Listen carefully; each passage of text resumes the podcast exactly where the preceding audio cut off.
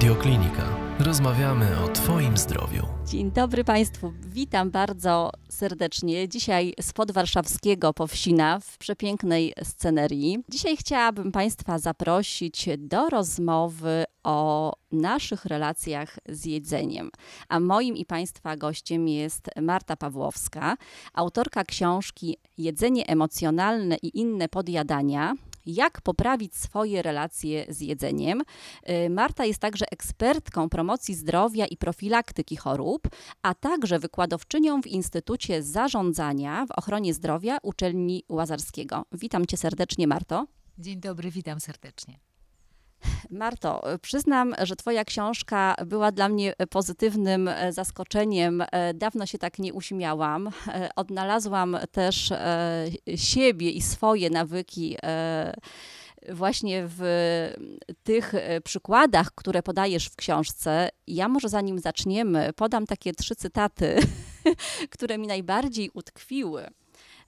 Ptasim mleczkiem dziury w sercu nie zatkasz to, czym sobie szkodzimy przez rok, nie wyjdzie z nas jak pasta stópki w tygodniowym detoksie. Konieczne, konieczna jest zmiana stylu życia i zmiana jedzenia. Obserwujmy siebie, a nie trendy i mody. I ostatni cytat, który mi bardzo utkwił w głowie, to y, dotyczy naszego ciała. E, którego porównujesz na, e, do, do, kosza na śmieci e, i mówisz, nasze ciało to nie kosz na śmieci, nie da się wyrzucić naraz z niego całej szkodliwej zawartości. To dużo mówi o naszych nawykach, o tym, jak przez całe życie nabywamy pewnych nawyków, które nam bardzo trudno wyeliminować. Tak, masz 100% racji. Dziękuję, że mi przypomniałaś te cytaty. Też się z nimi utożsamiam. Ten pierwszy o tym, że dziury w sercu czekoladą nie załatasz, często boli, zwłaszcza boli nas kobiety bo też um, jest takie przyzwolenie społeczne w ogóle, prawda, na to, że jak kobieta ma gorszy dzień, jak jest słabsza, no to wtedy e, loda albo czekoladkę we wszystkich filmach amerykańskich, w takich komediach romantycznych, jak taka porzucona albo chwilowo nieszczęśliwa dziewczyna leży w różowych paputkach na, na, na łóżku, to właśnie latają pralinki wokół niej, tak? I faktycznie jest takie przyzwolenie, a nagle się okazuje, że to nam nie pomoże. Pomoże nam przytyć, ale nie pomoże nam na serca z dziurami od trudnych emocji. Więc ja szczególnie się utożsamiam z tym cytatem, ale z tymi pozostałymi też, bo nam się tak faktycznie czasami wydaje, że jeżeli raz na jakiś czas robimy sobie szybki detoks, pojedziemy na odchudzające wczasy, to już jest dobrze. Nie, nie jest dobrze, bo my w zasadzie każdego dnia podejmujemy 300 do 400 decyzji związanych z jedzeniem. Więc to jest cały czas podejmowanie decyzji, czy zjeść śniadanie teraz, czy za chwilę, czy z chlebkiem, czy z chrupką, czy owsiankę z mlekiem takim, czy siakim, czy z, kawa z miodem, czy nie z miodem. I tych decyzji, które są nawykowe, robi się w ciągu dnia około 300-400. I teraz nie da się naraz wszystkich uczynić zdrowszymi. To jest długi proces. I ten, kto tego nie wie, no niestety będzie zaliczał glebę. No właśnie, bo to wystarczy po prostu, znaczy nie wystarczy parę tygodni, żeby zmienić swoje nawyki, e, które są nawykami trwałymi, które, nie wiem, e, przez 20 lat się w określony sposób zachowywaliśmy, reagowaliśmy. To nie jest dobre podejście, bo my się też bardzo szybko zniechęcamy, bardzo szybko się poddajemy, tak? A to nie o to chodzi. Mhm. Masz rację. Da się zmienić tylko wtedy, jeśli nagle się okazuje, że jest jakaś trudna choroba. Do mnie też trafiają takie osoby, że jest na przykład diagnoza i lekarz mówi już od dziś. Pani nie je tego, tego, tego, tego. I wtedy często te osoby są takie wstrząśnięte, no bo nagle się okazuje, że jak nie mogę tego, tego, tego, tego, a ja głównie to jadłam i to lubiłam, no to okazuje się, że nie mogę nic poza wodą i kalafiorem, tak? I, ale, nie, ale wtedy właśnie często się udaje, bo nie mamy wyjścia nie mamy wyjścia. Czyli jest ta zewnętrzny, ten zewnętrzny przymus. Ale jeżeli nie ma tego zewnętrznego przymusu w postaci choroby, jeśli nie ma takiego przymusu, że mąż powiedział, kupię ci cudowny strój kąpielowy i jedziemy do Meksyku, ale musisz schudnąć 10 kilo w dwa miesiące, to jeżeli nie ma takiego przymusu, no to my się samo usprawiedliwiamy, racjonalizujemy sobie wszystko, przytulamy się, jakby każdą swoją słabość usprawiedliwimy i wtedy niestety nic z tego w dłuższym okresie czasu nie ma. Nic. Marto, no chyba y, warto sobie powiedzieć i uświadomić, że jedzenie emocjonalne jest to po prostu zaburzenie, którym rządzą, e, tak jak piszesz w książce, e, cztery mechanizmy. E, Ja nazwałam je pocieszycielem, znieczulaczem, uciekinierem i policjantem, który karze tak, za błędy. Y, Może troszkę opiszmy te mechanizmy, jak one działają, na jakiej zasadzie funkcjonują takie mechanizmy. Mhm. Masz rację, jedzenie emoc- emocjonalne jest zaburzeniem jedzenia. Polega na tym, że jakby na drodze do naszego racjonalnego, mądrego, zdrowego żywienia stoją trudne emocje, z którymi nie wiemy, co zrobić. I to są różne emocje. To, mogą, to może być stres, napięcie, złość, ale także nuda, brak sensu życia, samotność, znużenie, brak satysfakcji w małżeństwie, w pracy, wyczerpanie. To jest bardzo dużo emocji. Jeżeli nie umiemy sobie z nimi poradzić, to bardzo często będziemy je zajadać.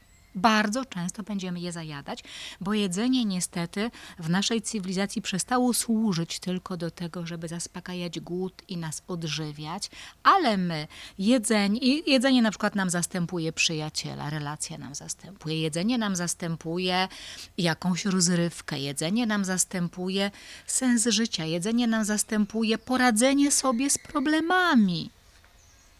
Więc zamiast zabrać się czasami za swoje dziury emocjonalne, my to zajadamy, bo jedzenie jest wszędzie pod ręką. Też niestety żyjemy w takim kraju i to jest ten plus i minus naszej współczesnej cywilizacji, tak zwanego niestety dobrobytu. Ja bardzo lubię takie zdanie, że pozornie rosnący standard życia to realna, szybka droga do tycia. Bardzo lubię to zdanie. I ono też jest takim kluczem, to co pytała się Wuniu, bo e, pytasz o te cztery mechanizmy jedzenia emocjonalnego. Pierwszy z nich to pocieszyciel, tak, zdecydowanie, no bo przecież jedzenie pociesza. Tak jak często się mówi, że czekolada nie pyta, czekolada zrozumie. I to też oczywiście wynika często niestety z naszego dzieciństwa, głównie z tych naszych cudownych babci, u których wizyta przypominała albo wizytę w fabryce czekolady, albo w, w cukierni, tak?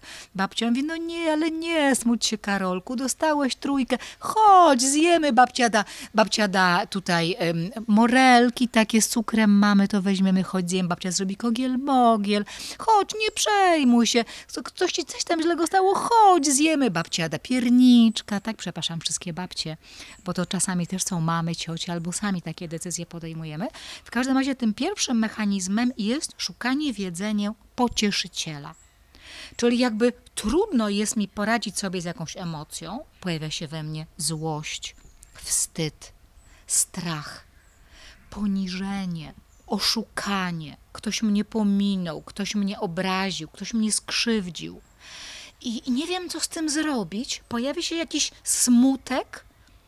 I bardzo często, jeżeli nie mamy takiego nawyku, żeby się konfrontować z uczuciami, nie mamy takiego wypracowanego mechanizmu, żeby się spotkać z tymi emocjami, bo bardzo często chcemy już szybko się pocieszyć, no to sięgamy po co? Po jakiegoś batona, jakieś ciasto, jakaś drożdżówka, tak? No bo przecież potrzebuję, tak zasłużyłam, tak musimy sobie, popatrz, osłodzić życie. My mówimy, że jest gorycz czegoś, prawda? I musimy sobie osłodzić, tak? Więc widzę takie pocieszenie, taki pocieszyciel, czyli słodycze, bo najczęściej są słodycze, są takim pocieszycielem. To oczywiście na chwilę daje pocieszenie, ale na chwilę. Czyli pocieszenie pierwszy mechanizm. Drugim takim e, jest e, znieczulenie, czyli znieczulacz. To jest tak, jak jest coś, czego nie umiemy udźwignąć. Jestem po trudnej rozmowie na przykład z szefem, czy z przyjaciółką, czy z mężem. I jakoś tak jest mi zabolało. Zabolało. I teraz mam do wyboru albo pójść na spacer bez karty kredytowej, żeby broń Boże nie wstąpić do jednej żabki czy biedronki, coś takiego kupić niedobrego, nie, niezdrowego. Ale mam do wyboru pójść na spacer, albo pogadać z przyjaciółką, no albo otworzyć szafkę ze słodyczami wygarnąć stamtąd opakowanie ptasiego mleczka i zjeść je, może się uda z godnością. Nie? I to jest znieczulenie, to też chwilowo działa, czy jakby przykrycie pewnej trudnej emocji. To jest tak jakby pojawia się pewien dół z pewną trudną emocją, pewien ból, pewne cierpienie emocjonalne. I chcemy to czymś przykryć, tak? Jakby potrzebujemy czymś to znieczulić, jakiegoś takiego znieczu- takiej tabletki potrzebujemy, prawda? I tą tabletką też może być jedzenie, najczęściej też jest to coś słodkiego. To jest ten drugi mechanizm. I to działa na chwilę, tak? My później mamy świadomość przy kolejnym razie, że zadziałało, ale później czułam się gorzej. Mimo to ten nawyk jest tak silny, że my nadal robimy to samo. Trudno wejść z tego błędnego koła. Tak, masz 100% racji. Jeżeli coś zrobimy 20, 30, 40 razy, to potem robimy to automatycznie. Popatrz, jest tak jak otwieramy, zamykamy pralkę. Jak robimy pewne rzeczy, otwieram, y, obieram kalarepę z tej, a nie z tamtej strony. Na śniadanie machinalnie biorę to czy to. To my tak samo potem machinalnie zaczynamy się znieczulać czymś słodkim. I co ważne, że ten nawyk e, wyrobienia w sobie e, tego, że pocieszam się słodkim, jak i nawyk wyleczenia z tego kosztuje nas tyle samo energii. To jest taka sama energia, tyle że skierowana w dwie różne strony. Czyli to jest ten drugi, e, drugi mechanizm znieczulenie. Trzeci mechanizm to jest ucieczka. I to jest tak zwana ucieczka w krainę ptasiego mleczka. To jest tak, że wiemy, że przed nami coś, jeszcze go nagram jeszcze raz. Wiemy, że przed nami coś, co, czego nie unikniemy. Trudna rozmowa, e, czy z pracownikiem, czy z szefem, czy z kimś z rodziny, czy trudna rozmowa z lekarzem. Coś, czego nie unikniemy, ale czujemy się tak, jakbyśmy mieli za mało energii, żeby się z tym zmierzyć. Czyli potrzebujemy jeszcze jakiegoś dostawcy energii, żeby móc to ogarnąć. Jak to kobiety mówią, bo to częściej kobiety mówią, żeby coś ogarnąć. I ponieważ kojarzy nam się to, że dostarczyć sobie energii, to coś zjeść, no więc jemy. I to najczęściej są właśnie węglowodany albo coś słodkiego.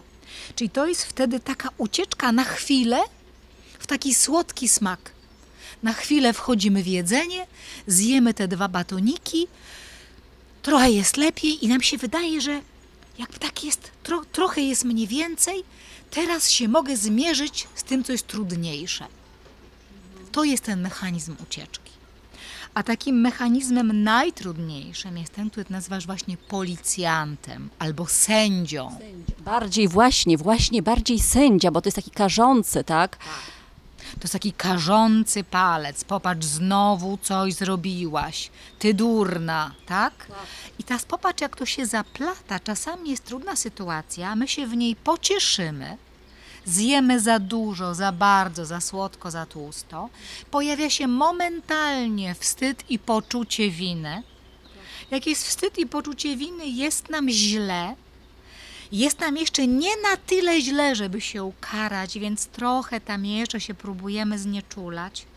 Po czym już konfrontujemy się z tym, że Boże, znowu, znowu upadłam, jasna cholera, znowu nie potrafię siebie obronić, znowu do niczego, w ogóle mi się nie uda zrzucić tego. I wtedy zaczynamy się karać, tak? To jest na zasadzie trochę tam, moja wina, moja wina, moja bardzo wielka wina, ty głupia, ty głupia, ty głupia, tak? I tutaj zaczynamy jeść, bo to jest taki mechanizm jak dziecko. Jak dziecko mówisz, ty jesteś zły, ty jesteś zły, ty jesteś zły, to on potem będzie jeszcze bardziej niegrzeczny. Jak już jestem zły, to do, dopiero zobaczysz, jak ja potrafię być niegrzeczny. I tu jest dokładnie to samo. Jak już jestem grupa, to przepraszam, no powiem, a to pierdolę. To jeszcze, jeszcze sobie, jeszcze sobie pojem i dopiero będę gruba. I dopiero będę gruba, beznadziejna, zła, smutna i amen. I tu działa mechanizm właśnie karania siebie, samokarania. To jest, my się karzemy wtedy nawet nie tyle za to, że coś zrobiliśmy złego, że zjedliśmy coś, ale karzemy się za to, że nie potrafimy się obronić. Tak jakby jest we mnie taki mały głos, który mówi, Boże, przecież dziewczyno, ty jesteś dobra, to nie jest tak. Ale karzemy się za to, że ten głos jest za cichy. Że ja nie umiem swojego życia dostosować do tego, żeby tak zacząć jeść, żeby zacząć biegać, że próbowałam kilka razy i dalej nie umiem. I karzemy się niestety za to, że nie umiemy. A to jest też prosta droga, kurczę, do takiego coraz niższego poczucia własnej wartości. E, Często kończy się to też e, depresją. Ewa, masz 100% racji. To jest autostrada do tego, żeby zacząć o sobie myśleć, żeby stracić do siebie zaufanie, żeby, tak jak mówisz, zachwiać poczucie własnej, własnej wartości, własnej godności, żeby gubić własną tożsamość, żeby już nie wiedzieć w to w końcu to, to gdzie ja jestem. Ja miałam ostatnio rozmowę z taką moją cudowną podopieczną, która zaczęła pracować nad sobą, jak zobaczyła swoje zdjęcie z jakichś zajęć. I mówi, że zobaczyła na nim, mówi, co zobaczyłaś na zdjęciu? Ona mówi, zobaczyłam jakąś grubą babę. Ale to nie jestem ja. Ona mówi, to nie jestem ja. W tej, w tej kobiecie gdzieś w środku jestem ja. Ale to nie jestem ja. I to jest bardzo trudne dla nas często. Natomiast to jest też często początek drogi do decyzji zdrowienia. Nie do pragnienia, bo pragnienie często mamy, ale Nie mamy, nie mamy też sił, wiesz, na to czasami. tak, nie mamy sił, nie mamy, e, jakby n- nie widzimy przestrzeni, nie mamy wsparcia. I tak nam się wydaje, że ja sama z tym jestem, że ja sama z tym nie dam rady. I jeżeli nam się wydaje, że jesteśmy same, bo to mówię, no bo ja też najczęściej pracuję z kobietami, no to, to faktycznie wtedy najczęściej nie umiemy jakby sobie same pomóc, nie umiemy zapukać do właściwych drzwi, nie umiemy chociaż tych drzwi uchylić, żeby w nie wejść, bo samemu jest ciężko. Ważna, wiesz, jest też ta świadomość, tak, że jednak e, ktoś musi i może mi pomóc, tak, żeby e, zrobić ten pierwszy krok w kierunku tej zmiany, e, bo inaczej wpadamy w takie jeszcze większe uzależnienia. Okej, wpadam w uzależnienie od słodyczy, od pracy, od aktywności fizycznej, tak, to są już takie zachowania, można powiedzieć, kompulsywne, prawda? Tak, masz 100% racji. To są tak zwane kompulsje jednoźródłowe i one bardzo często występują parami.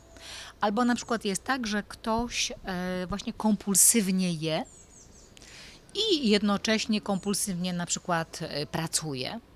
Pracoholizm, te wszystkie holizmy, tak? To są niestety jedzenioholizm, pracoholizm. Albo i na przykład upora się już z jedzeniem, ale wpada w seksoholizm. I słowo, które ja użyję odpowiedzialnie, rozwojoholizm.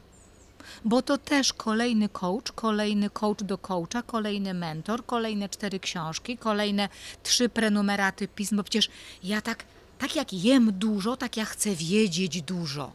Ja chcę pracować dużo. Ja chcę się sportować dużo. Już tak to jest bardzo ważne w jedzeniu emocjonalnym, że to jest często taki mechanizm, że dla osób, które mają takie kompulsywne zachowania, te izmy wszystkie, to jest takie jakby pragnienie posiadania. Bo mam w sobie dziurę emocjonalną, albo często emocjonalną i duchową. I czymś ją potrzebuję wypełnić. Mam taką pragnienie posiadania, dużo jedzenia, dużo pracy, dużo rozwoju, dużo, dużo seksu, dużo perfum, dużo zakupów. I to niestety też po tym to poznać, że właśnie, że coś jest nie tak, że nawet jak ktoś się upora z pracą, bo jest na w terapii i nagle odpala się, że tak powiem, relacja, kompulsja w jedzeniu. Upora się z jedzeniem, odpala się alkohol. I to znaczy, że cały czas nie pracujemy u źródła. Że to jest po prostu taki smok z kilkoma głowami i możemy odcinać te głowy. Ale jak nie zaczniemy pracować z sercem, ze źródłem, to cały czas się będzie coś odpalać. No bo to jest ucieczka, forma ucieczki przed emocjami, tymi trudnymi emocjami. e, y, Jest y, nieumiejętność skonfrontowania się z nimi. Często, wiesz, z domu wynosimy takie przekonanie, że emocje są złe, nie płacz, nie bądź niegrzeczny, niegrzeczna, tak?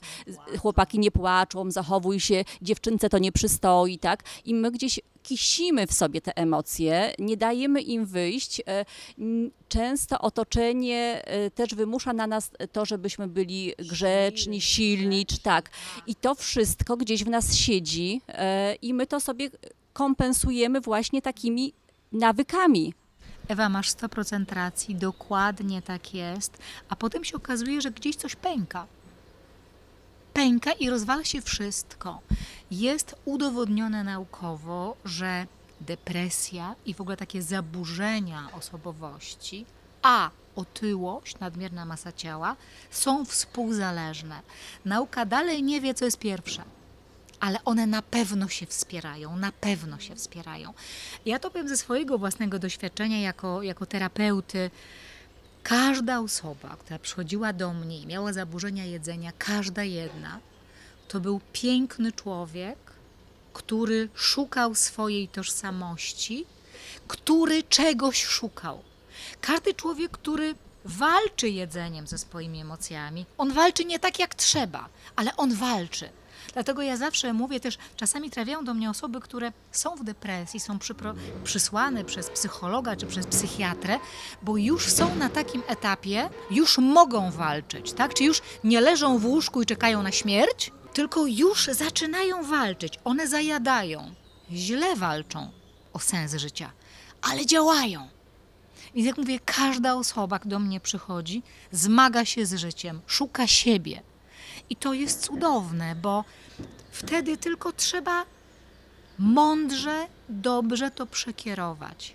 Spojrzeć w oczy tym emocjom, które my, tak jak mówisz, kisimy w sobie, bo nam wmówiono, że tak jest dobrze.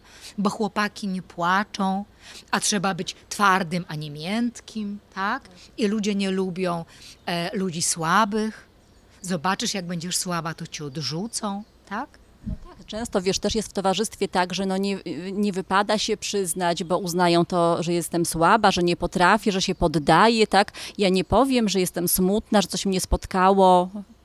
Często tak jest, że po prostu my się boimy uzewnętrznić. Ewa, masz 100% racji. Myślę, że każdy z nas ma takie przykłady ze swojego dorosłego życia, kiedy masz depresję albo masz trudny czas i nagle staje się wokół ciebie, to pusto się robi wokół ciebie. Tak naprawdę zostaje kilka osób. Ludzie się takich rzeczy boją. My ludzie się boimy, bo e, jeżeli osoba jest w depresji i wśród niej grono, to są osoby, które też coś za, mają zaburzone, też gdzieś y, mają maski, odgrywają rolę i nie umieją się skonfrontować ze swoimi emocjami, no to będą unikały spotkania z osobą, która się z tym zmaga. Tak, bo one też, wiesz, nie umieją pomóc, nie wiedzą jak, tak, bo one też potrzebują pomocy często. Tak, dokładnie masz rację. I tutaj, tak jak powiedziałaś, bardzo ważne jest, żeby zobaczyć, że potrzebuje pomocy. Ja bardzo lubię odwoływać się do pojęcia tak zwanej odpowiedzialności egzystencjalnej. Bo to jest coś takiego, że tak jakby był wypadek na ulicy. Tak, załóżmy, że e, prze, przechodzień na pasach, na zielonym świetle, został potrącony przez jadące z ogromną szybkością auto. Jest ewidentna wina kierowcy. Pasażer trafia na wózek, tak? Jest kaleką. I teraz od kogo zależy to, no bo y, y, kierowca trafia do więzienia, tak? Ale od kogo zależy to, jakie będzie dalsze życie tej ofiary wypadku? Czy on się stoczy, czy się załamie, czy też tak jak może będzie się starał podnieść? To zależy tylko od tej osoby. I to jest właśnie odpowiedzialność egzystencjalna. My często nie mamy wpływ na to, co było w naszym dzieciństwie. Nie mamy wpływ na to, czy, e, że pochodzimy z domów z rozwodem. Nie mamy wpływu na to, że, pochodzi, że jesteśmy DDA. Nie mamy na bardzo wiele rzeczy wpływu, ale to, co z tym robimy, z tym plecakiem, e, ze swoimi przeżyciami emocjonalnymi, to od nas zależy. Warto, żebyśmy wiedzieli, tak, że możemy sobie pomóc mieli w sobie tą gotowość, otwartość, że e, i przyznanie się do tego, że potrzebujemy pomocy i umieli sobie poszukać osoby, która nam w tym pomoże, z rodziny, spoza rodziny. Bo często też jest tak, że wiesz, w rodzinach nawet e, nie ma tej rozmowy. Ile jest teraz depresji wśród dzieci, wśród młodzieży, rodzice często nie wiedzą, co gryzie ich dzieci. Tak, niestety masz rację. My, rodzice, często jesteśmy tak zapracowani, tak zagonieni, że na przykład nie mamy już siły skonfrontować się jeszcze ze słabościami naszych dzieci. Wydaje nam się, że jak dziecko jest zaopiekowane, czyste, ma podane, chodzi do szkoły, chodzi na korepetycje, jakby, jakby jest zatroskane tak ogólnie, to że to jest wszystko. A potem się okazuje, że niestety nie. Ja też często to są przykłady osób, z którymi, z którymi pracuję, które do mnie trafiają. E, I taki przykład też mojego podopiecznego, chyba nawet opisałam go w książce. 40-letni człowiek pochodzący z tak zwanego bardzo dobrego domu. A tato chyba wybitny dziennikarz, mama też naukowiec. Cudowny, intelektualny, mądry dom. Dziecko zaopiekowane, wszystkie korepetycje, kilka języków obcych, golf czy konie, jakby wszystko było. Natomiast ten chłopiec nie miał w ogóle kontaktu z ojcem. I jak coś się działo, jak on przychodził do domu i mówił, że jakieś ma problem emocjonalny, czy tak się emocjonował, to mówi, weź się uspokój, siądź sobie przed telewizorem, weź coś dobrego do jedzenia i się uspokoisz. I on tak się uspokajał wiele lat. Brał coś słodkiego, siadał przed telewizorem i jadł. Przyszła dorosłość, zamienił tylko telewizor na komputer i niestety nagle jak się okazało, że ma 40 kilo za dużo. I nie radzi sobie raz z jedzeniem, ale dwa z ludźmi sobie nie radzi. Bo on się nauczył rozwiązywać swoje problemy słodyczami i przed komputerem, a z ludźmi tak się nie da. Ciastek nie trzeba przeprosić. Człowieka czasami trzeba. Czekoladę ci nie nawymyśla. Człowiek czasami ma rację i ci nawymyśla. A on unikał relacji, no bo go nie nauczono sobie radzić z relacjami. Tak, są ciężkie tematy, ale powiedz Marta, jak w ogóle, jaka jest możliwość, jakie są metody wyjścia z takiego błędnego koła? Jak, jak się wyrwać z tego? Wiesz co? Przede wszystkim ważne jest, żeby tak w miłości i w trosce o siebie zacząć siebie obserwować. Zacząć siebie obserwować tak, jakbyśmy patrzyli na siebie z zewnątrz i zobaczyć, czy to jest tak, że ja jem za dużo, czy jem za dużo czegoś, czy może w ogóle jem za duże porcje, czy też jem za łapczywie, czy faktycznie jem w odpowiedzi na jakieś emocje, bo czasami jest tak, że nie jemy emocjonalnie, ale jemy na przykład za dużo, bo tak nas nauczono. Jemy za dużo, bo takie mamy mechanizmy, tak? My możemy jeść za dużo pod wpływem sytuacji zewnętrznej. Często jemy dla towarzystwa. Jestem już po obiedzie i po czymś jeszcze, ale spotykam się z znajomymi, no nie wypadł. No jak no nie zjesz? No spotykam się, tylko no weź zjedz. Tu znowu przepraszam wszystkie babcie znowu, ale wizyta u babci. No nie mów, że się odchudzasz, no weź babcia specjalnie dla ciebie zrobiła. Jeden kotlecik, tylko taki najmniejszy dostałaś. Weź jeszcze drugi. No jak, no nie zjesz tego kawałeczka? No babcia specjalnie dla ciebie zrobiła, tak? Słuchajcie, po prostu jemy już, ulewa nam się, tak? Ale nie potrafimy odmówić, więc zobaczyć, tak? Przyjrzeć się sobie, jak mówię, z miłością. Czy faktycznie jest tak, że na przykład chce nam się jeść, czy zajadamy czymś słodkim po jakiejś trudnej rozmowie? Na przykład moja praca bardzo może mnie stresować, czy może jest mobbing w pracy. No ja tak miałam, wiesz, też na własnym przykładzie, jak miałam stresujące sytuacje, siedziałam z dzieckiem w szpitalu. Ja pamiętam, że po szpitalu miałam takie, no, y, dobry tydzień, że ja codziennie zjadałam ptasie mleczko. To była taka moja y, odskocznia, takie utulenie siebie, tak? Y, To było straszne. Ja nie potrafiłam z tego nawyku w ogóle wyjść. W końcu zabroniłam mężowi, bo już wiedziałam, że coś jest nie tak, bo po prostu mi było niedobrze. Po prostu zwyczajnie niedobrze. Mówię, nie kupuj, jak nawet cię proszę. Tak? To jest strasznie trudne, są to strasznie trudne mechanizmy. Masz rację, to są bardzo trudne mechanizmy, bo to są mechanizmy na poziomie często już komórkowym. To są mechanizmy raz fizjologiczne, dwa emocjonalne, trzy społeczne, cztery duchowe i wyrwać się z tej matni czasami jest bardzo ciężko. I teraz tak jak mówię, przeobserwować sobie, tak jak ty zobaczyłaś, ok, zapaliła się czerwona lampka, codziennie jest w nadmiarze ptasie mleczko i widzę, że ciągnie mnie do tego, że nie umiem sobie odmówić, tak? Jeżeli tak przeobserwujemy takie rzeczy, to na początek dobrze jest pogadać z kimś zaufanym, ale z kimś, kto jest silny emocjonalnie. Z kimś, e, komu na nas zależy, ale też kto uniesie taką rozmowę. Czyli nie z kimś takim, wujek, dobra rada, tak? Jaka przyjaciółka, która dla wszystkich zawsze ma rady i powie ci nie przejmuj się, albo przejmuj się, albo rany, rany, o matko boska, to ty naprawdę tak jesz? Albo bo mojej koleżance pomogła, a ja piłam czystek i mi pomógł. Jakby zero takich rzeczy. Trzeba porozmawiać z kimś mądrym, silnym emocjonalnie, przed kim to wszystko wyrzucimy w szczerości. I kto z nami usiądzie, tak jak my teraz siedzimy, i powie, wiesz, faktycznie, kurczę, dziwnie to wygląda. Chyba potrzebujesz pomocy, tak? I zobaczyć, może wymaga to tylko uporządkowania w tak zwanym talerzu, czyli zmiany w tym, co jemy. Może wymaga to nawyku. Może zaprowadzi nas to do, e, do właśnie takiej potrzeby pomocy emocjonalnej. Może jakąś prawdę zobaczymy o sobie i wtedy podjąć decyzję, ok, faktycznie potrzebuję pomocy, bo przekraczam pewną granicę bezpieczeństwa. To czasami jest tak, że przekraczamy pewną granicę bezpieczeństwa. Tak, i wtedy nam dopiero przychodzi to zrozumienie, że coś jest nie tak, tak? No u mnie w moim przypadku było tak, że ja nie wiem, jakoś y, po prostu zaczęło się od tego, że zaczęłam chodzić wieczorem. Po prostu poszłam na spacer.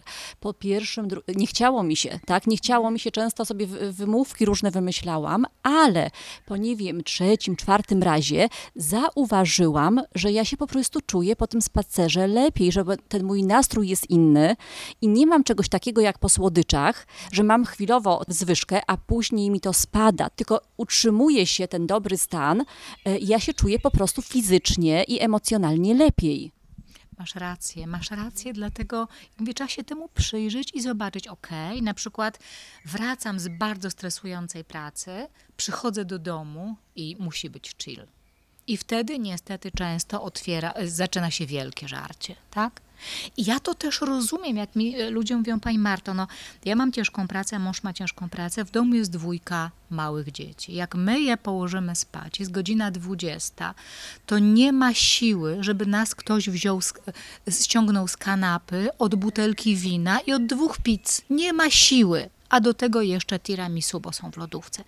I to są takie mechanizmy, no, które trzeba zobaczyć i powoli je zmieniać powoli je zmieniać. Właśnie, słowo klucz powoli, bo często jest tak, że gdzieś zobaczymy, też jest taka presja, wiesz, w telewizji, w internecie, trzeba być fit, trzeba po prostu tutaj tysiąc dobrych rad, tak? Jak się odchudzić, jakie ćwiczenia. Zapisujemy się na siłownię, zapisujemy się na basen. Nic z tego potem nie wychodzi, bo nam się po prostu nie chce fizycznie, tak? Więc tutaj działa metoda małych kroków i nagradzania siebie, ale nie słodyczami, za takie właśnie jednotygodniowo wyjście na spacer. Później to się zamienia w trzy razy, tak? Yy, w tygodniu na spacer i nam się zaczyna chcieć w końcu tej aktywności, tylko też musimy się pilnować, żeby też yy, nie wpaść znowu, nie przegiąć, tak? W drugą stronę. Masz rację. To jest często niestety tak, że jesteśmy zagonieni i to jedzenie, w tym słodkie, wydają nam się jedynym sposobem na chill, jedyną przyjemnością, no bo ona jest najkrótsza, najprostsza. Tak? Sklep poniższy, sklep na dole, czekolada albo ciastka, albo cukiernia, cukierni, piekarni. Teraz mamy, jesteśmy chyba narodem, gdzie jest najwięcej cukierni i piekarni chyba w Europie. No oprócz aptek. Tak, masz rację, oprócz aptek, dokładnie. Cukiernie, piekarnie, apteki, tak. I to, to, to niestety masakra. E, I zobaczyć, jakie inne przyjemności. My zapominamy o przyjemnościach. Jak na warsztatach z moimi kobitkami, często jest takie zadanie, że mówię, napiszcie mi 20 przyjemności, ale nie jedzeniowych. To to jest zadanie, przy którym one chyba najbardziej pyskują. Ale no niestety nie ma lekko, ale nagle jak sobie zaczynają przypominać, co ja kiedyś robiłam, że o rany, kiedyś miałam właśnie takie warsztaty i na kolejny numer przychodzi kobieta, na kolejne warsztaty przychodzi kobieta z drutami I z takim, i, i robi szalik. On mówi, wiesz, ja sobie przypomniałam, że ja przecież kiedyś robiłam na drutach. I przepięknie wróciła do robienia drutach. Kto sobie przypomniał, że zawsze jeździł na koncerty, albo chodził na masaż, albo słuchał muzyki, albo robił albumy, tak?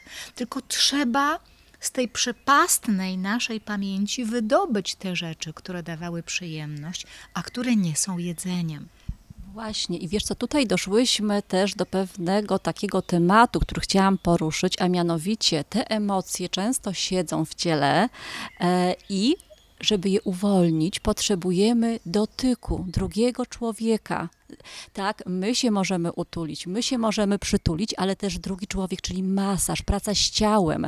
Y, Przed naszą rozmową, y, rozmową rozmawiałyśmy o terapii TRE, czyli wprowadzanie ciała w takie drżenia, tak, gdzie te emocje się mogą uwolnić. My musimy poczuć te emocje, wiedzieć, że je mamy i to, to nie jest nic złego.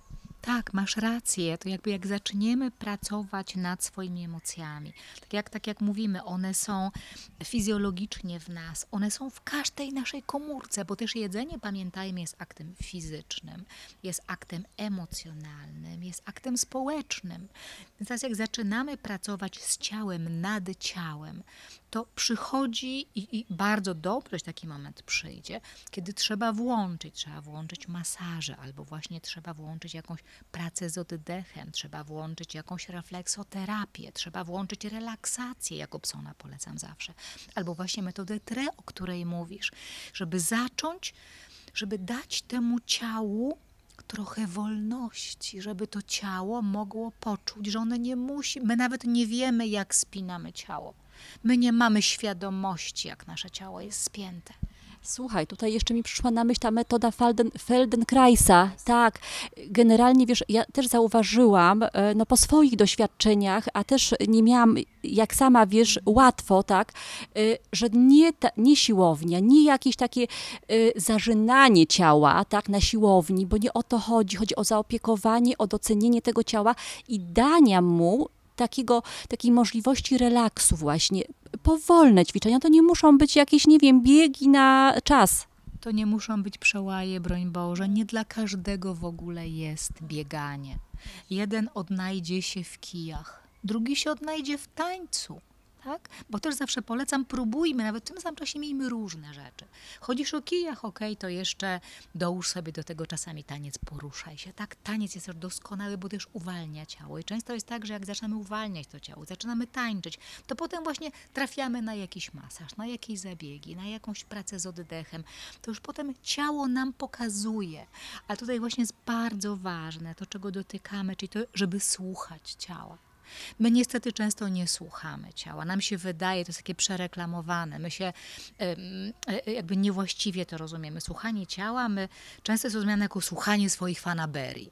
Ja słucham siebie, to zjem teraz dwie drożdżówki. A co? Bzdura. Słuchanie ciała to jest bycie uważnym na to, bycie uważnym, jak ja śpię, jak mi się śpi, jak się czuję po takim śniadaniu, a jak się czuję po takim śniadaniu, kiedy robię się głodna, tak? Kiedy zaczynam czuć e, w ciele jakiś niepokój, w odpowiedzi na co? Jak się czuję właśnie po tym, jak zjem coś słodkiego i po ilu minutach pojawia się wstyd i poczucie winy? Właśnie i też wiesz, my nie mamy takiego mm, teraz e, nawyku, e, że możemy znaczy, może inaczej, rzadko czujemy się głodni, tak? Bo tak jak mówisz, my bez przerwy jemy. Pozwólmy sobie na takie okresy postu. Zobaczmy, jak to jest, tak? Żebyśmy się poczuli zwyczajnie głodni. E, jak to, na, jak to wpływa na nasze ciało, na nasze samopoczucie, tak? Jak nam wtedy to jedzenie smakuje. Ewa, masz 100% racji. My, chociaż nasze pokolenie nie pamięta wojny, to niestety zachowujemy się tak, jakbyśmy, jakbyśmy mieli głodować. E, I e, jakby też w ogóle cywilizacja, w której żyjemy, nie sprzyja temu, żeby głód był. Nawet w reklamach mamy, tak? Jak na mały głód, to już musisz coś tam zażreć czymś cukrowym. Głód jest cudowny, bo głód nam pokazuje, że potrzebujemy coś zjeść. Głód emocjonalny nam pokazuje, że my potrzebujemy miłości. że potrzebujemy przytulenia, o którym mówisz, że potrzebujemy przyjaźni. I głód rozwoju pokazuje nam, że potrzebujemy sensu na przykład, albo że potrzebujemy sztuki, że potrzebujemy piękna. Tak? A jeżeli czujemy głód fizyczny, który ja bardzo, bardzo lubię, to on nam pokazuje, że, no, że nasz organizm ma już jakąś wolną przestrzeń, tak zwaną. My często też się jakby mylnie głód interpretujemy, że jak już zaczynam czuć głód, to rany, rany, to ja muszę zaraz coś zjeść, bo umrę, tak? Bo, bo zaraz będę, będę chora. I ja to zawsze powtarzam, jeżeli osoba jest zdrowa ogólnie, to jeżeli zaczyna odczuwać głód, to to wcale nie znaczy, że jej organizm powinien coś zjeść. To tylko znaczy, że jest możliwość podjęcia pewnej pracy przez organy wewnętrzne. Natomiast my jesteśmy skonstruowani tak, że nawet jeśli zjemy posiłek, to po nim w ciągu 6 do 8 godzin nic się nie stanie, jak powtarzam, osoba ogólnie zdrowa jeżeli nic nie będziemy jeść. A my jesteśmy tak przyzwyczajeni, że jemy śniadanie, jak wiem, że dopiero za dwie godziny będzie obiad, to już coś mogę wrzucić na ruszt, wrzucić na ruszt. Po co? My sobie w ogóle nie zadajemy pytania, po co ja to mam jeść? I to jest niestety bardzo zgubne, bo myśmy utraciliśmy to, to karmienie, karmienie na żądanie jest dobre dla dziecka, które ma 6 miesięcy, ale nie dla kobiety, która ma 30, 40, 50 lat. A my niestety tak się zachowujemy, jemy cały czas. Jemy non-stop i potem utraciliśmy tą w ogóle zdolność głodu. Niestety także utraciliśmy także zdolność nasycenia. Właśnie, bo my ciągle chcemy więcej, ciągle jest nam mało, tak? Ciągle jest nam mało, a traktujemy jedzenie tak, jakby cały czas trzeba mieć pewny poziom nasycenia. To jest tak, jakbyśmy, nie wiem, kąpali się co godzinę. Tak, ale zobacz, co było w pandemii, e, jak Polacy się rzucili, to w ogóle było dla mnie, ja patrzyłam z niedowierzaniem, jak wykupili cukier, tak? Jakby cukier był pierwszą potrzebą, która musi być w domu i musi być zapas akurat cukru, tak? Nam się cukier kojarzy tak z komunizmem, socjalizmem, ze stanem wojennym. Też pamiętajmy, że cukier w Polsce od lat 30. był takim symbolem dobrobytu. No bo też ta cała schiza niestety ze cukier krzepi, co jest jedno z naj, najbardziej szkodliwych zdań, wzięło się właśnie z lat 30., kiedy w ogóle w Europie była bieda, w Europie była recesja. E, wchodził przemysł, budowaliśmy przemysł, ale generalnie to był czas biedy i głodu. I na przykład robotnikom w fabryce dawano, to w Wielkiej Brytanii, w Polsce też, litr herbaty z dużą ilością cukru, bo to było postrzegane jako energetyczny posiłek. I przecież to był taki czas, kiedy Polska no, był monopol cukrowy, powstał Bank Cukiernictwa, Cukrownictwa i taka moja ulubiona nazwa, że powstał Komitet Propagandy Konsumpcji Cukru. To był organ rządowy, na czele którego właśnie stał nam znany autor określenia e, cukier krzepi, czyli pan Melchior Wańkowicz, który w nagrodę za to hasło dostał 5 e, tysięcy złotych. To był wtedy równowartość na przykład nowego Volvo. Czyli to były ogromne pieniądze. I niestety naszym babciom, ciociom, no prano mózg przez tych kilkadziesiąt lat, bo przecież hasła, które były mądra matko, daj dziecku cukru, albo e, hasło takie, co oszczędzisz na cukrze, to zdrowiem przypłacisz. A moim ulubionym jest, że jeden kilogram cukru daje tyle sił do pracy, co półtora kilogramów y, wieprzowiny, 2 kg wołowiny, 4,5 kg marchwi albo 9 kg ziemniaków.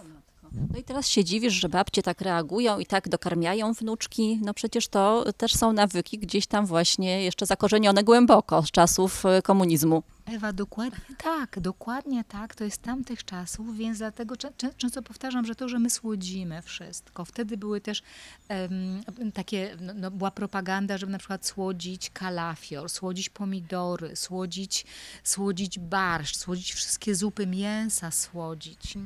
A jeszcze pamiętasz, ja pamiętam, bo to nie było wtedy słodyczy, no nie było tylu słodyczy, co są teraz na półkach. Ja pamiętam kromkę pysznego chleba z masłem i cukrem. Tak, z masłem i cukrem, dokładnie, mówisz, z- z- czy odrobiną mleka i z cukrem. Tak, masz rację. Ale ja zawsze lubię to powtarzać, bo e, no, my mamy te nawyki takiego cukrzenia wszystkiego nie dlatego, że nasze mamy i babcie były głupie, tylko dlatego, że taki był czas takiej propagandy i my niestety płacimy teraz za to wysoką fakturę. Że naprawdę są domy, gdzie rodzice słodzą dziecku rosół są domy, gdzie mama ma się dobrze z tym, że e, słodzi dziecku pomidora, bo jak się powtórzy dziecku, słuchajcie, Ewa, no jeżeli my powtórzymy dziecku, pomidor jest kwaśny i powtórzymy 40 razy, no to dziecko potem powie, pomidor jest kwaśny i trzeba go będzie posłodzić. Jeżeli mama mówi dziecku, e, jabł, jabłuszko jest kwaśne, kupimy takie jabłuszko w tubce, to w tubce to nie jest jabłuszko. To jest przetworzone jabłuszko. No albo jak mamusia powie tak, nie, szpinak nie, na pewno go nie będzie chciał, nie zje, on jest niedobry, tak? Bo mamusia ma takie przekonanie, no to dziecko później będzie miało zakorzenione, że tego szpinaku się nie da zjeść, po prostu. Ewa, masz 100% rację. Ja Właśnie też jak pracuję czasami z rodzinami, do ciebie pamiętam taką mamę, że siedzimy właśnie e, przy stole i, i mama mówi, ale pani Marto, moje dziecko, a obok siedzi ta mała, moje dziecko brokułów nie zje, moja córka nie lubi brokułów. I powtórzyła to kilka razy. Potem ta dziewczynka doszła i mówi, wie pani co, jak pani to tak powtarza, to ja pani faktycznie gwarantuję, że pani dziecko niedługo zacznie przypominać kulę, bo wszystko, co jest zielone, pani go do tego zniechęci, bo pani tyle razy powtarza, że dziecko tego nie lubi. Skąd pani wie, że dziecko tego nie lubi? No bo wie pani, no u nas w domu się nie jada. No właśnie to jest to. Też popatrz, Ewa, jak często w domach jest taki, taki mechanizm, że e, tatuś nie musi jeść marchewki, ty jesteś mały, to ty jedz. Tak? Albo zjesz cały obiadek, to mamusia ci da nagrody, na przykład jakieś żelki. Albo zjesz obiadek, potem będzie deser. I teraz dotykamy takiej ważnej rzeczy, bo w deserze po obiedzie teoretycznie nie ma nic złego. Ale my często nieświadomie, powtarzam, nieświadomie budujemy taki priorytet, że obiad to jest takie normalne jedzenie, a ten deser czy ten torcik jest właśnie nagrodą, jest wyjątkowy, czyli ten, ta kapustka, e, to mięsko, czy rybka i ziemniaczek, czy kasza, to jest takie normalne, codzienne, a wyjątkowym jest to słodkie. I to niestety, jeżeli, jak mówię, nieświadomie dziecku sprzedamy, wdrukujemy taki mechanizm, to potem jak rośnie dziecko, no to jak jest trudna sytuacja, no to nie będzie miało ochoty na ziemniaczek i na kapustkę, tylko na coś wyjątkowego, czyli na ten deser. No właśnie, albo nie będzie miało ochoty na szpinaczek i później taki konsument szuka napojów słodzonych, szuka e, tak określonych słodyczy, rynek na to reaguje i po prostu jest jeszcze większe nasycenie takimi produktami. Rodzice też często nie czytają etykiet, tak, nie zwracają uwagi na to, ile jest węglowodanów. Ja, y, że na przykład też nie wiedzą, jakie jest szkodliwe połączenie cukrów i tłuszczy utwardzonych, co jest po prostu drogą do otyłości, no, do insulinooporności, cukrzycy. Jesteś autorką ważnego raportu i chciałabym, żebyś teraz przytoczyła jego wyniki, y, bo one są zatrważające. E, Tak, dziękuję, że o tym wspomniałaś. To był raport z ubiegłego roku Szkoła Gmina System, czyli raport poświęcony kondycji zdrowotnej polskich dzieci, polskich uczniów tak naprawdę, e, gdzie zbadaliśmy poziom nadwagi otyłości, zbadaliśmy nawyki żywieniowe, dokonaliśmy przeglądu całej polskiej literatury, e, przyglądaliśmy się także, jak nasze polskie dzieci śpią, jaka jest ich aktywność fizyczna, jaka jest ich aktywność ruchowa jaka jest ich kondycja psychofizyczna. No i, za, no i wyniki były zatrważające, bo się okazuje, że tak naprawdę my niestety dobijamy do modelu amerykańskiego. Czyli, że jedna trzecia, niedługo już tak będzie, że jedna trzecia dzieci ma nadwagę, prawie jedna trzecia jeszcze ma otyłość i zbliżamy się do takiego modelu, kiedy w mniejszości będą te dzieci, które mają już normalną masę ciała. W tych wynikach badań też taką ważną informacją jest to, że tu już nie tylko chodzi o samo BMI, ale także coraz częściej polskie dzieci, dzieci wieku 6-9 lat, mają niewłaściwe ciśnienie, mają nadciśnienie. E, bardzo wiele polskich dzieci nie je w ogóle śniadań. Jeden na czterech nastolatków w ogóle nigdy nie je śniadań. Bardzo niewiele się ruszamy. Spędzamy, nasze dzieci spędzają zdecydowanie za dużo czasu przed komputerem. To się jeszcze pogłębiło w pandemii, ale wyniki badań z 2021 roku pokazały, że w czasie pandemii polskie dziesięciolatki spędzały przed ekranem komputera codziennie 12 godzin, z czego tylko 7 to były lekcje online. Czyli dodatkowo tych 5 godzin przed ekranem. Też wyniki pokazały, że bardzo wiele dzieci w wieku 10-14 ogląda w nocy, jest w internecie kosztem snu. No I właśnie. niestety rodzice tego nie wiedzą. Nie wiedzą, są bezradni, nie wiedzą, co zrobić. No właśnie, a tutaj y, też prosta droga do zaburzeń różnego rodzaju, ponieważ zakłócenie rytmu dobowego to też wpływa jak najbardziej na zakłócenie całe, funkcjonowania całego organizmu i to o tym się bardzo dużo mówi przecież. Masz 100% racji, dokładnie. I też w tym przeglądzie em, e, mieliśmy taką konkluzję wynikającą, że w tych w grupach dzieci z nadmierną masą ciała najczęściej te dzieci spały gorzej, najczęściej miały gorszą kondycję psychospołeczną, czyli czuły się mniej zadowolone z siebie, e, ze szkoły, z życia, miały, deklarowały gorsze relacje z rodzicami. I to dzieci, które najczęściej, częściej niż pozostałe, deklarowały niską aktywność fizyczną, w ogóle brak zainteresowania aktywnością fizyczną. Właśnie, i tutaj prosty krok do tego jedzenia emocjonalnego, tak? Bo co mają te dzieci przed komputerami? Słodkie napoje, słodycze, tak? Które im właśnie pozwalają e, poczuć się trochę lepiej. Tak, ale też wiesz, dla mnie takim odkrywczym, ja lubię się tym dzielić z rodzicami, było to, że jest udowodnione, jak to, co dzieci oglądają, wpływa na ich łaknienie. Na przykład dzieci, chłopcy głównie, którzy, którzy grają na dużej ilości gier. Jeżeli jestem w grze, jestem w grze, czyli muszę walczyć, jestem walcz, tu walka na ekranie, tu walka na ekranie, tu wojna, tu coś tam, jest udowodnione, że taka sytuacja jakby generuje taką emocjonalną i energetyczną potrzebę, że bardzo często towarzyszy temu właśnie przejadanie, jedzenie rzeczy tłustych, jedzenie rzeczy mocno cukrowych, więc no to jest znowu droga do otyłości. Też były takie badania robione w Wielkiej Brytanii odnośnie tego, jak filmy i wiadomości wpływają na to, co dzieci też my dorośli jemy.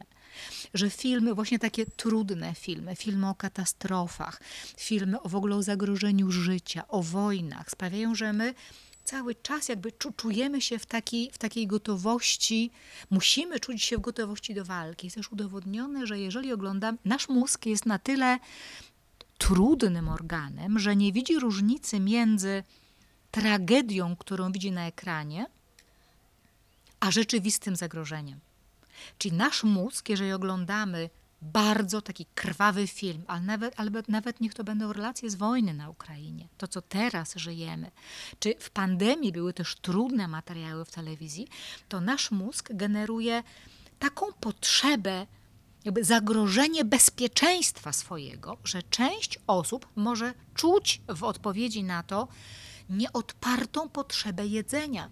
Dobrze, ale widzisz, z tej strony, y, tak, nieodparta potrzeba jedzenia, a z drugiej strony też trzeba powiedzieć o bardzo ważnym, istotnym e, e, aspekcie, mechanizmie działania organizmu, że organizm w stresie ma zaburzone e, funkcje trawienne, w ogóle inaczej trawi. On nie trawi tak dobrze, tak, bo on się koncentruje na tym, żeby przetrwać. Jest w stanie zagrożenia. Tak, jest w stanie zagrożenia, więc nic wtedy nie jest ważne, jak dostarczenie tej energii. W pierwszej chwili energii mózgu, a potem jak największej energii dla całego ciała, i wtedy też, właśnie w, te, w, w takim stanie, o którym mówisz, wyłącza się w ogóle mechanizm nadmiaru jedzenia. I to jest zgubne. Dlatego często osoby, które mają taką dużą otyłość, to jest otyłość już typu drugiego, czy otyłość olbrzymia, i są to osoby, które często no, żyją z takim bardzo silnym stresem, przewlekłym stresem, borykają się, nie radzą sobie z emocjami. I to są osoby, które, jak one mówią, no ale ja nie umiem przestać jeść. I on mówi prawdę. On mówi prawdę, on nie kłamie. On naprawdę nie umie przestać jeść. Dlatego powtarzam i będę to powtarzać tak długo, jak się da, że otyłość to jest bardzo poważna choroba. To jest skomplikowana choroba przewlekła, która wymaga zawsze indywidualnej diagnozy i spersonalizowanego leczenia. A nam się, to często niestety z dużym ubolewaniem przyznaję, że wielu lekarzy, tak jak widzi pacjenta, który ma 20 kg wagi, to musi pan mniej jeść i więcej się ruszać, niech pan więcej chodzi mniej je, ale ten lekarz często nie jest sam dobrym wzorem do tego. I nie kieruje się pacjentów na diagnozę związaną, tak jak mówisz, z, insulino, z insulinoopornością, z otyłością. Otyłość to jest choroba, którą trzeba leczyć. My jesteśmy dzisiaj, według danych Międzynarodowej Federacji Diabetologicznej, jest, jesteśmy w ścisłej dziesiątce, chyba na czwartym miejscu krajów z największym stanem przedcukrzycowym na świecie. I według prognoz w 1935 roku będziemy mieli niestety koszulkę lidera, czyli największy przyrost stanu przedcukrzycowego. Przecież to jest, wiesz, nadwaga, otyłość, cukrzyca, problemy lipidowe. Tak, wiesz, to jest, to jest też y, układ sercowo-naczyniowy, który zaczyna nam szwankować, nadciśnienie, to jest lawinowo już, później te choroby się pojawiają. To, to, to nie jest tak, że to jest tylko y, otyłość, tylko cukrzyca, tak? Y, no, często też jest tak, że y, ta otyłość to też jest właśnie choroba, choroba duszy, tak? Że tutaj też jest naprawdę pomoc psychoterapeuty, pomoc fizjoterapeuty, dietetyka, tak jak po, powiedziałaś, to musi być kompleksowe leczenie, y, leczenie skrojone do pacjenta, do jego potrzeb, tak? Spojrzenie właśnie na te emocje. Tak, spojrzenie na tego pacjenta jak na człowieka. Dziś mówi się o tym, że jest ponad 200 chorób współtowarzyszących otyłości. I tutaj leczenie kompleksowe jest kluczowe. W Polsce na szczęście trochę drgnęło już w tym aspekcie, bo przecież mamy od dwóch lat program KOSBAR, czyli właśnie skoordynowana opieka dla pacjentów z otyłością olbrzymią, czy dla pacjentów bariatrycznych. Tak?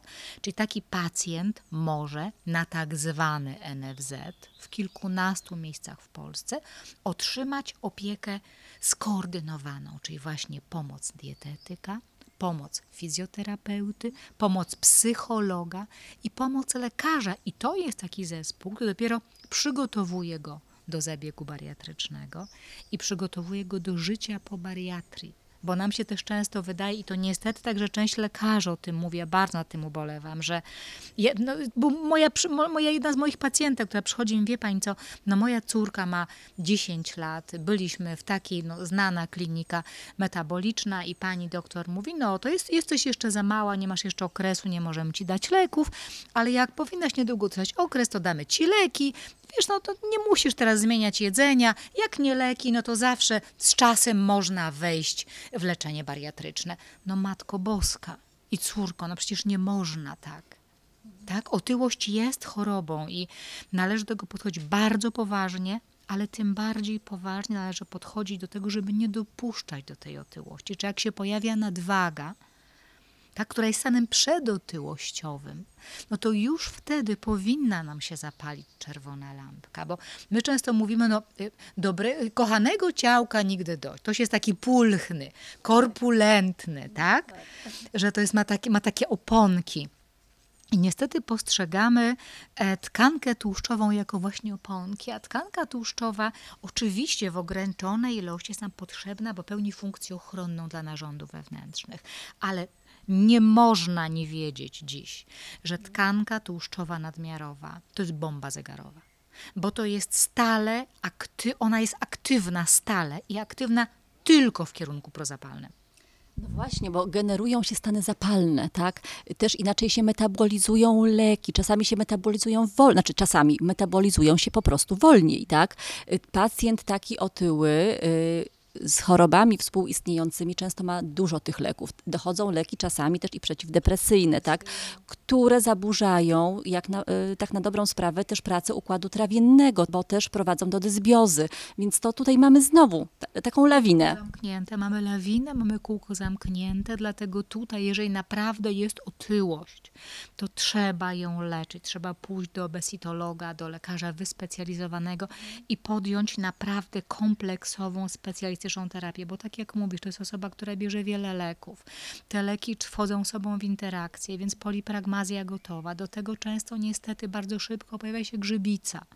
Tak, no bo przecież tych leków jest za dużo, więc przerost kandidy bardzo często się pojawia, więc tu, tu jest, to jest kółko zamknięte i bardzo trudno jest niestety samemu z tego wyjść. Dlatego przestrzegamy, że żeby już jak jest nadwaga, żeby nie traktować tego e, z lekceważeniem, żeby e, pomagać takiej osobie, nie stygmatyzować. Ja też pozwolę sobie tutaj też to powiedzieć, bo często się mówi o, tak, o tak zwanej ciało pozytywności. To jest coś dla mnie bardzo istotne, bo myślę, że bardzo mylnie do tego podchodzimy. Jest różnica między ciało pozytywnością, a tak zwaną grubo pozytywnością. Ja wszystkim zainteresowanym polecam książkę Roxane Gay, zatytułowaną Głód. To jest kobieta, która no po już ogromnym schudnięciu ważyła chyba 220 kilo po ogromnym schudnięciu. Ale ona w piękny i bardzo mądry sposób, taki też bez znieczulenia, opisuje swoje przyczyny, całe swoje życie z tą ogromną wagą, potem z troszkę mniejszą wagą. I ona właśnie przepięknie, to bardzo mnie zainspirowało, daje różnienie między ciało pozytywnością a grubo pozytywnością.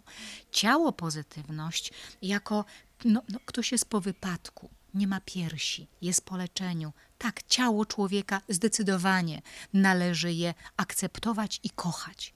Natomiast ciało pozytywność w przypadku otyłości kojarzy mi się z afirmacją choroby. I określenie grube jest piękne wzbudza mój sprzeciw. Grube jest chore. Człowiek jest piękny. Człowiek jest zawsze piękny i człowiekowi zawsze należy się miłość, szacunek i wsparcie. Ale grube nie jest piękne, grube jest po prostu chore. Dokładnie. To chciałam też powiedzieć. Y, człowiek po oparzeniach, po różnych amputacjach, tak? To jest też według mnie ciało pozytywność i tak do tego podchodźmy. Zgadzam się dokładnie, Wunia, tak, jakby też mam takie podejście. To jest trudne dla wielu osób, to jest trudne dla wielu młodych kobiet, które próbują jakoś się odnaleźć z dużą, z dużą wagą, ale e, powiem, powiem tak jako terapeuta, który no już kilka tysięcy godzin przepracował z osobami zmagającymi się z jedzeniem. Nigdy. W całej mojej e, karierze, a mam już siwe włosy, nie spotkałam się z osobą, kobieta czy mężczyzna, z dużą nadwagą, e, która by naprawdę była szczęśliwa, której ja bym uwierzyła że jest szczęśliwa. Często jest maska na początku. Tak, ale wiesz, gdzieś grubo skrywane poczucie winy też, prawda? Podskórnie i to później wychodzi w terapii. Masz 100% racji, dotknęłaś też takiego zdania, które ja bardzo lubię, że wstyd i poczucie winy tuczy często bardziej niż cukier i tłuszcz. Dokładnie tak. Dlatego tutaj em, terapia, Różne są teraz możliwe terapie. Można sobie znaleźć właściwą osobę. Można próbować sobie samemu pomóc, bo na przykład jest dużo mądrych podcastów już w sieci, w których można zobaczyć, w którym kierunku, z kim by mi się lepiej pracowało, w jakiej terapii by się lepiej pracowało.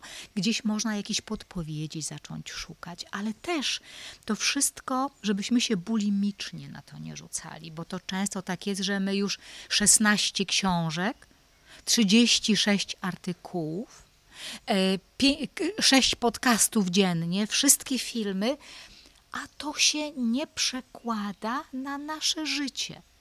To, co powiedzieliśmy wcześniej, ewolucja, a nie rewolucja. Zacząć sobie od kilku drobnych rzeczy. Zacząć od tego na przykład, że okej, okay, w jedzeniu zlimituję to, czy to, czy to, i zacznę na przykład od a takiej, a takiej aktywności fizycznej i poszukam sobie kogoś do pomocy, a może jakiejś grupy wsparcia sobie poszukam. Może się zapiszę teraz też w mediach społecznościowych. Jest sporo takich grup wsparcia, też prowadzonych przez specjalistów, prowadzonych przez tak zwanych jedzenioholików, którzy już też jakby na tyle są świadomi i silni, że mogą pomagać innym, bo to też niestety nie zawsze występuje. I może znaleźć sobie taką zamkniętą grupę, zacząć tam rozmawiać z ludźmi, zacząć się przyglądać, zobaczyć, jak inni sobie temu radzą, ale powtarzam, w takiej miłości do siebie. W takim spokoju, w takim zrozumieniu siebie też. Bo często jest tak, że to też powtarzam, że otyłość to często nie nasza wina ale zawsze nasza odpowiedzialność. To jest trudne zdanie, ja wiem, ale ono jest wyzwalające. Ale dobrze, że wybrzmiało, Marto. Ja Ci bardzo dziękuję za tą rozmowę. Bardzo Państwu polecam e, książkę Marty Jedzenie emocjonalne i inne podjadania. Jak poprawić swoje relacje z jedzeniem. Marta do niczego nie przymusza, nie daje mądrych rad w sposób bardzo humorystyczny. E, po prostu zwraca uwagę na pewne aspekty naszego życia, na pewne nawyki. E, I naprawdę każdy może wyjść z tego jedzenia emocjonalnego y, małymi krokami, z miłością do siebie, tak jak Marto powiedziałaś. Dziękuję Ci bardzo za tą rozmowę. Ja bardzo dziękuję i tylko dodam, że współautorką książki jest Joasia Derda, cudowna dziennikarka, która prawie 15 lat temu zrobiła pierwszą rozmowę ze mną o relacji człowieka z jedzeniem, kiedy wszyscy mówili, że to w ogóle wizjonerstwo i że to w ogóle jest jakaś fanaberia jakaś marketingowa, a to niestety okazała się prawda o człowieku. Dziękuję Ci, Ewuniu, serdecznie. Dziękuję, Marto. Więcej audycji na stronie Radio